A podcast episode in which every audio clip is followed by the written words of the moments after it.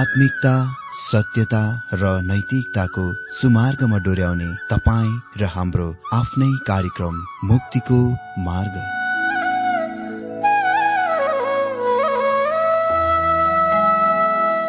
आदरणीय श्रोता यस मुक्तिको मार्ग कार्यक्रममा हार्दिक स्वागत छ आशा छ यस आत्मिक कार्यक्रमद्वारा जीवनमा आत्मिक आशिष अलौकिक शान्ति र आनन्द प्राप्त गर्नुहुनेछ। र जीवनमा धन्य अनुभव गर्नुहुनेछ। आउनुहोस् श्रोता मन र आत्माको तयारीको लागि यो मिठो अनि मधुर भजन गीत सुनौ।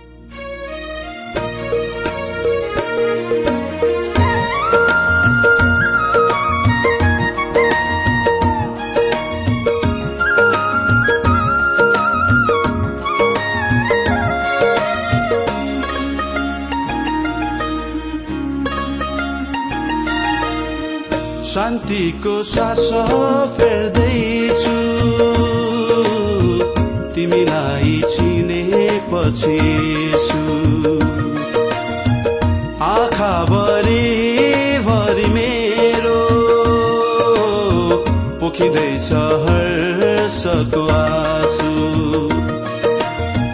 शान्तिको सास फेर्दैछु। तिमीलाई चिनेपछि आँखाभरि भरि मेरो पोखिँदैछ हर्षको आँसु। तिम्रै साथले मेरो मनै भो हलुङ्गो।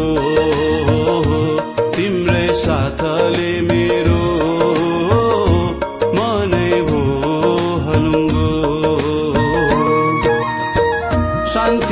सास फेर्दैछु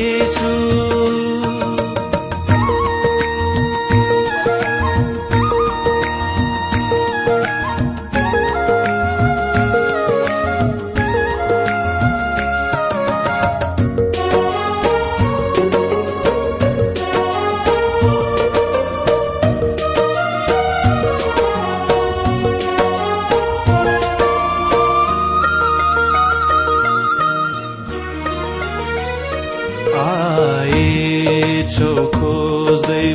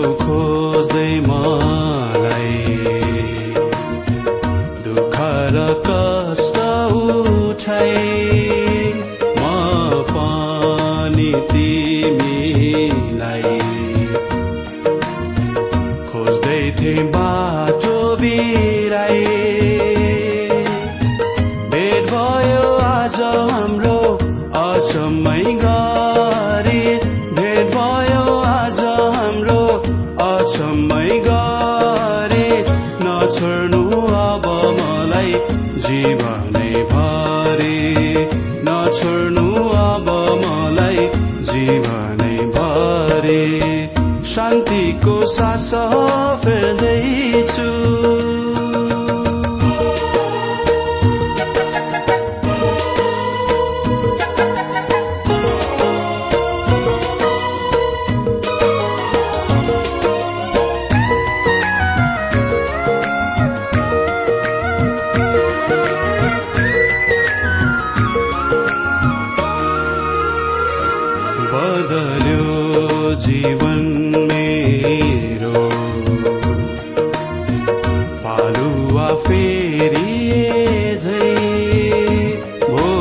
সৃষ্টিনয় মোৱা যম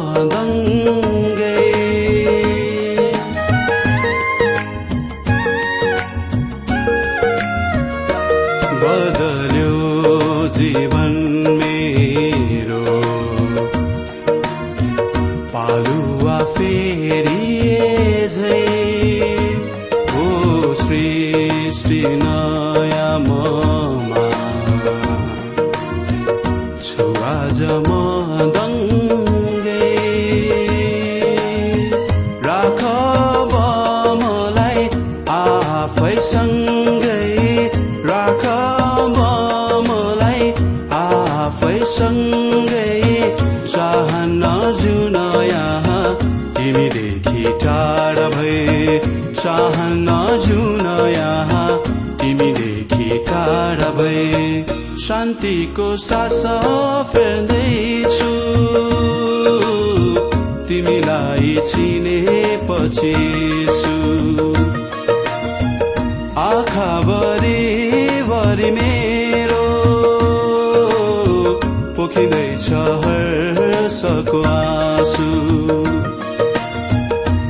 शान्तिको सास फेर्दैछु।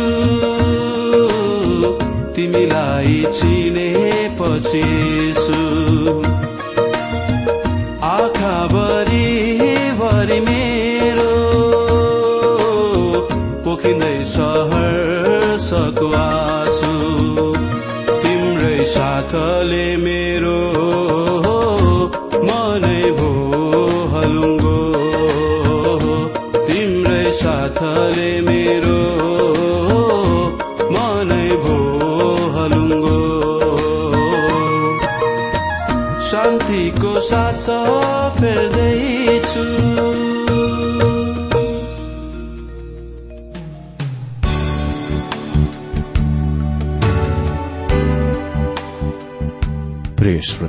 यो प्रसारण मार्फत यो अवगत गराउन चाहन्छौ कि प्रभुको सेवाको लागि यहाँहरूको साझेदारी नित्यन्त आवश्यकता छ।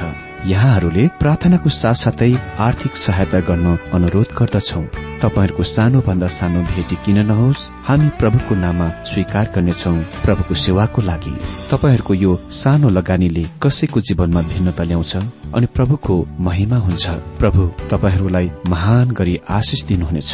इच्छुक श्रोताहरूले तपाईँको इच्छा भेटी हाम्रो ठेगानामा पठाउन सक्नुहुन्छ जुन ठेगाना हामी कार्यक्रमको अन्तमा दिनेछौं। प्रिय श्रोता मित्र प्रभु येशु ख्रिष्टको मधुर अनि सामर्थ्य नाममा मेरो जयमसी साथै हार्दिक स्वागत छ। आजको यो बाइबल अध्ययन कार्यक्रममा।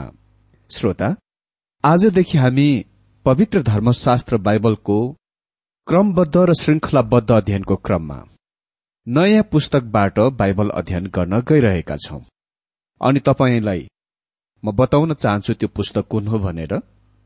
त्यो हो पुरानो नियमको मिकाको पुस्तक। सधैँ झै हामी यस पुस्तकको सबभन्दा पहिले परिचय भाग हेर्नेछौ। त्यसपछि मात्र हामी मूल विषयतिर प्रवेश गर्नेछौ।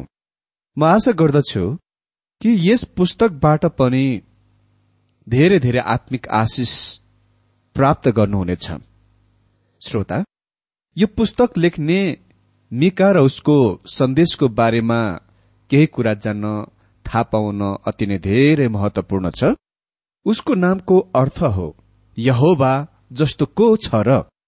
मिकाको नामको अर्थ हो यहोबा जस्तो को छ र। अनि मिकाएल जो प्रधान स्वर्गीय दूतको नाम हो यस नामको पनि उही एउटै अर्थ आउँछ। परमेश्वर जस्तो को छ र। शास्त्रमा धेरै मिकाहरूको नाम उल्लेख गरिएका छन् तर यस मानिसलाई चाहिँ मोरेसेतको मिकाको रूपमा चिनिन्दछ।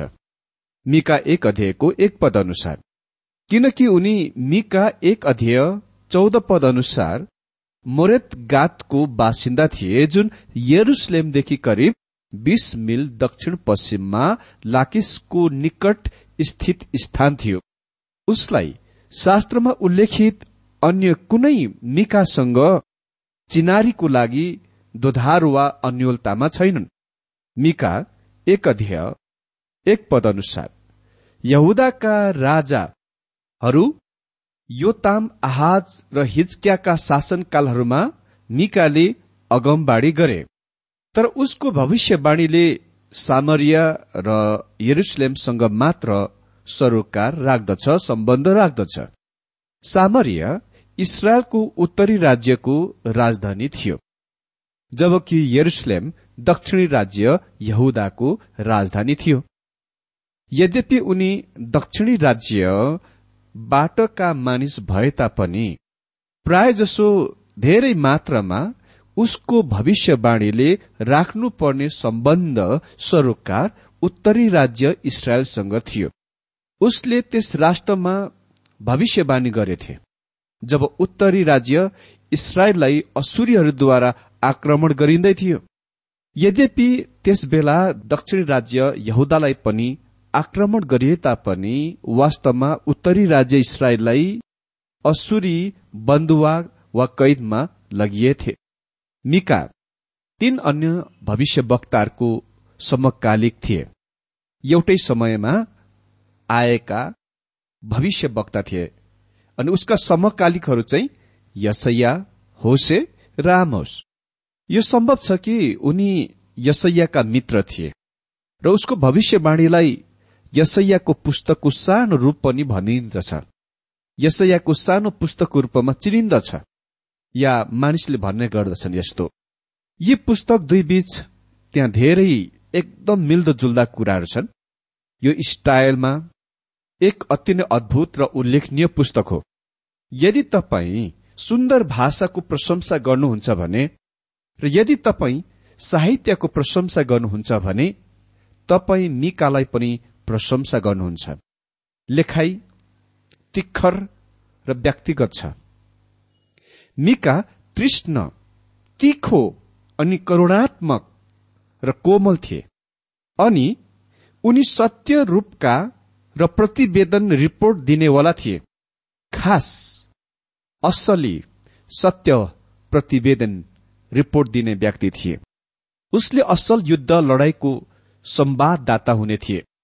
उनी युद्ध लडाईँको संवाददाता हुने थिए। रिपोर्टर यो पुस्तिकाको बारेमा उत्कृष्ट सुन्दरता छ जुनले परमेश्वरको असीमित कोमलताको आफ्नो दण्डहरूसँग मिलाउँदछ जोड्दछ।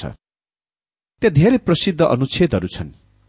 जुन औसत ख्रिस्टियनहरूको निम्ति जान पहिचानका वा चिनिएकै जानिएकै सुप्रसिद्ध कुराहरू हुन्। यद्यपि तिनीहरूले थाहा गर्न नसक्लान् कि ती मिकाबाट आएका हुन्। निकटको दण्डको धुधलापनमा अन्धकारमा भएर मिकाले इसरायलको छुटकाराको आइरहेको महिमा स्पष्ट रूपमा देखे। जुनले यस पुस्तकलाई उल्लेखनीय पुस्तक बनाउँदछ। मिकाले उत्तरी इसरायलका सहरहरू र दक्षिणी राज्य यहुदाका सहर यरुसलेममाथि दण्डको बारेमा घोषणा गरे बोले। यी केन्द्रहरूले राष्ट्रका मानिसहरूलाई प्रभावित पारेथे। यिनीहरू सहरीय समस्या थिए र जुन हाम्रा वर्तमान दिनका समस्याहरू जस्तै सुनै पर्दछन्। मिकाले हिंसा भ्रष्टता चोरी डकैत लोभ लालच भौतिकवाद आत्मिक कंगाली र अवैध यौन सम्बन्धको निन्दा गरे। उसलाई सहरको भविष्यवक्ताको रूपमा पनि विचार गरिन सकिन्दथे। श्रोता मिकाको विषय बुझ्नलाई अति नै धेरै महत्वपूर्ण छ। प्रचलित रीतिले मिकालाई दण्डको भविष्यवक्ताको रूपमा पनि विचार गरिन्दछ। अनि यो कुरा बिल्कुल सत्य जस्तो देखाइ पर्दछ किनभने आरम्भका सुरुका तीन अध्यायहरूमा त्यहाँ दण्डको बारेमा अति नै धेरै जोड दिइएको छ। यद्यपि पहिले तीन अध्यायहरू निन्दनीय भए तापनि अन्तिम चार अध्यायहरू चाहिँ सान्त्वना दिने अध्यायहरू हुन्। उसको महान प्रश्न शास्त्रको एक सबभन्दा प्रिय अनुच्छेदमा पाइएको छ त्यो हो तपाईँ जस्तो को छ र। मतलब परमेश्वर जस्तो को छ र।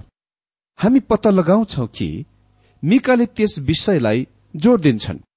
पहिला तीन अध्यायहरूमा घोषणा गर्नमा परमेश्वर जस्तो को छ र। मतलब साक्षी दिने काममा चार र पाँच अध्यायमा भविष्यवाणी गर्नुमा र सान्त्वना दिनमा परमेश्वर जस्तो को छ र? छ अध्यायमा बिन्ती गर्नमा परमेश्वर जस्तो को छ र? अन्तिममा सात अध्यायमा हामी देख्छौ क्षमा दिनमा परमेश्वर जस्तो को छ र? यसले नै मिकालाई सानो अद्भुत पुस्तक बनाउँदछ। यस पुस्तकको मुख्य विषय हो परमेश्वरको दण्ड र छुटकारा। यी दुवै यस पुस्तकमा छ। मेरो निम्ति यस पुस्तकको मुख्य कुञ्जी पद हो मिका सात अध्ययको अठार पद जुनले भन्छ तपाईँ जस्तो परमेश्वर को छ जसले अधर्म क्षमा गर्नुहुन्छ र आफ्नो निज धनको बाँकी रहेकाहरूको अपराध छोडिदिनुहुन्छ। उहाँले आफ्नो रिस सधैँसम्मलाई राखी छोड्नुहुन्न किनकि उहाँ दया गर्न रुचाउनुहुन्छ। परमेश्वरले पापको घृणा गर्नुहुन्छ। तर उहाँले पापीहरूका आत्माहरूलाई प्रेम गर्नुहुन्छ। र उहाँ तिनीहरूलाई उद्धार गर्न चाहनुहुन्छ। दण्डलाई परमेश्वरको अनौठो बिरानो काम पनि भनिन्दछ। यो यस कारणले अनौठो र बिरानो छ किनभने उहाँ दण्ड दिन चाहनुहुन्न। तर जबकि उहाँ पवित्र परमेश्वर हुनुभएकोले गर्दा उहाँ पापको घृणा गर्नुहुन्छ। उहाँले कुनै विद्रोहसँग व्यवहार गर्नै पर्छ पापसँग व्यवहार गर्नै पर्छ। तर उहाँले अझै पापीहरूका आत्माहरूलाई बचाउन उद्धार गर्न चाहनुहुन्छ र उहाँले तिनीहरूलाई बचाउन र उद्धार गर्नुहुनेछ यदि तिनीहरू विश्वासमा उहाँ कहाँ आउँछन् भने। यो सानो पुस्तकलाई अति नै चाखलाग्दो तरिकामा बाँड्न विभाजन गर्न सकिन्दछ। भविष्यवाणीको स्वाभाविक विभाजन चाहिँ मिकाले दिएको तीन सन्देशहरूको ध्यान गर्नु हो त्यसलाई टिपोट गर्नु हो जुन ती प्रत्येक सन्देशहरू यो आज्ञासँग शुरू हुन्छन्।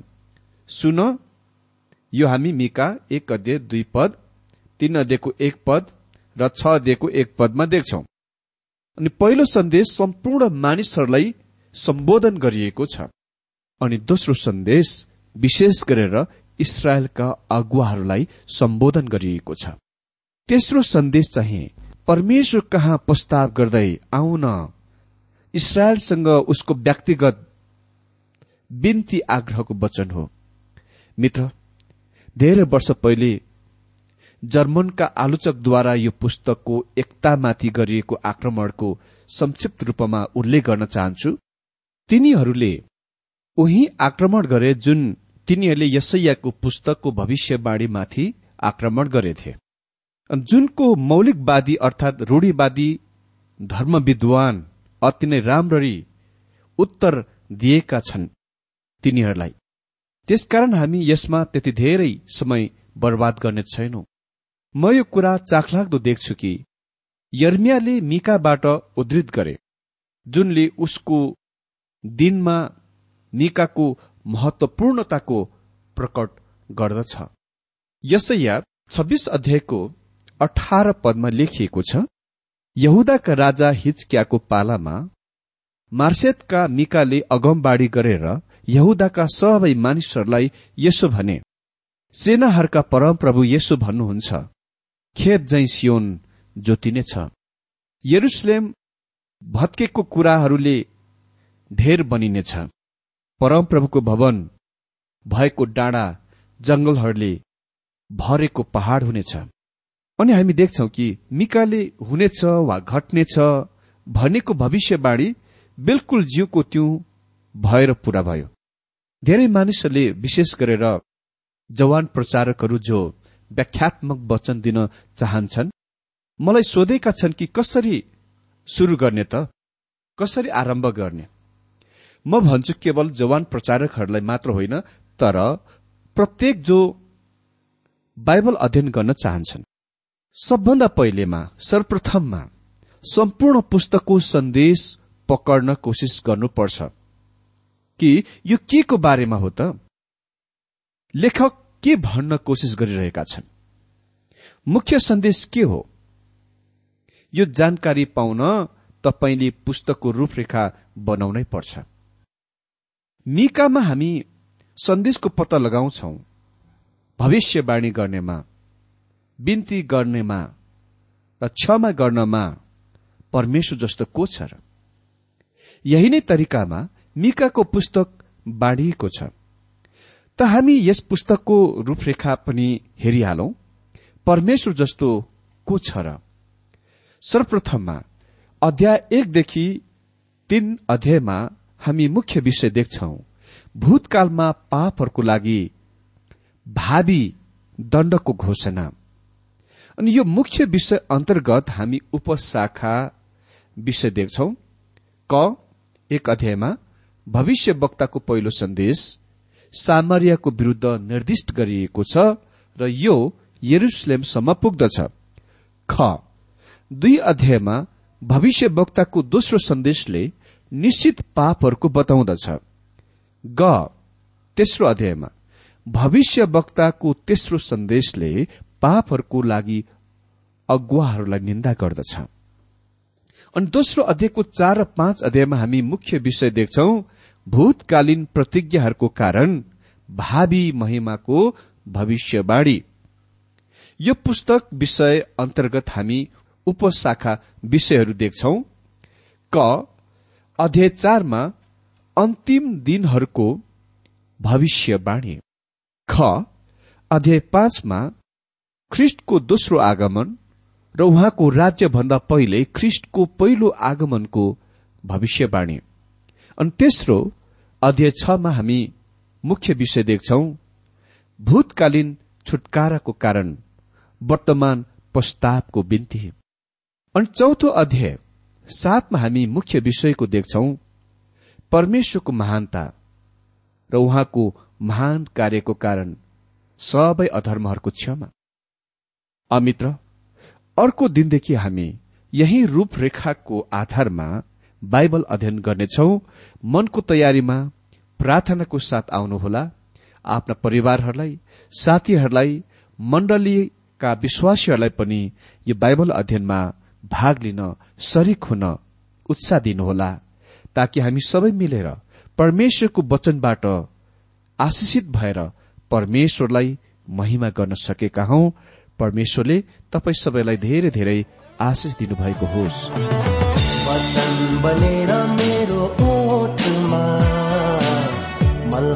बनेर मेरो चोटमा ज्योति बनेर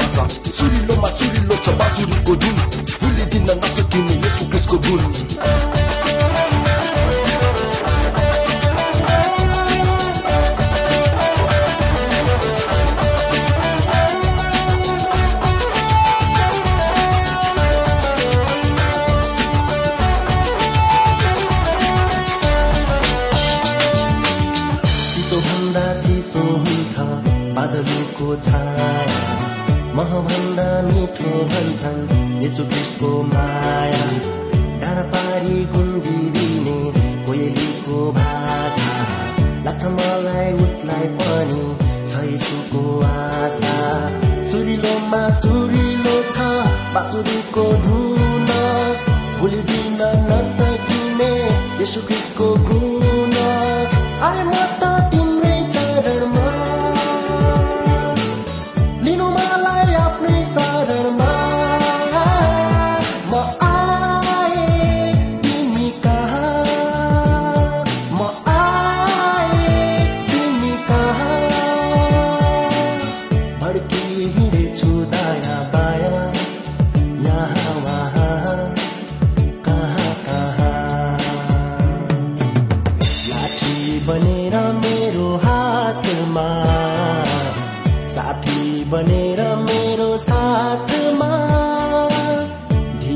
बनेर मेरो आशामा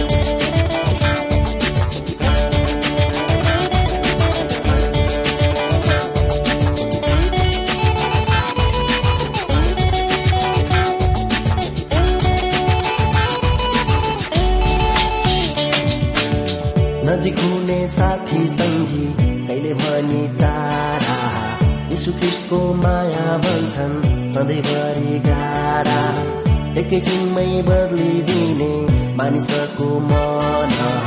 चित्त बुझ्दो लाग्यो मलाई यसुको वचन।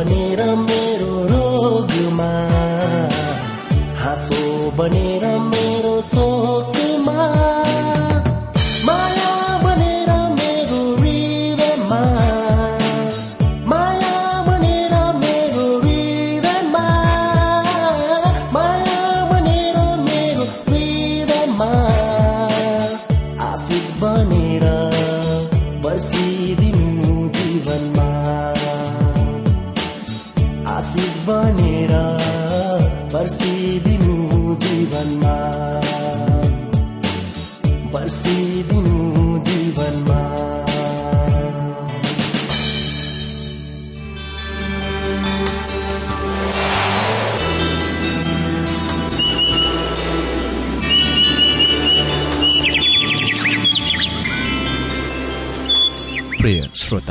भर्खरै तपाईँले टीडब्ल्यूआर नेपालद्वारा सञ्चालित आत्मिक कार्यक्रम मुक्तिको मार्ग सुनिरहनु भएको थियो। श्रोता आजको यो कार्यक्रम सुनेर तपाईँलाई कस्तो लाग्यो? यदि यो कार्यक्रम सुनेर मनमा कुनै खुल्दुली वा कुनै प्रतिक्रिया अर्थात सुझावहरू छन् भने हामीलाई पत्रद्वारा लेख्न सक्नुहुनेछ।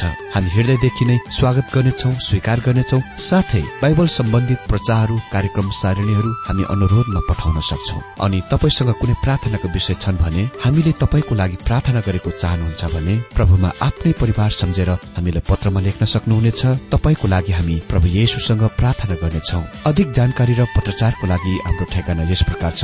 कार्यक्रम मुक्तिको मार्ग जीपीओ नम्बर उनानब्बे पचहत्तर इपिसी पच्चिस एकसठी काठमाडौँ। ठेगाना एकपल्ट सुन्नुहोला। कार्यक्रम मुक्तिको मार्ग जीपीओ नम्बर उनानब्बे पचहत्तर इपिसी पच्चिस एकसठी काठमाडौँ। हाम्रो इमेल एड्रेस हो TWR Nepal at Yahoo dot com साथै यस नम्बरमा एसएमएस गर्न सक्नुहुनेछ।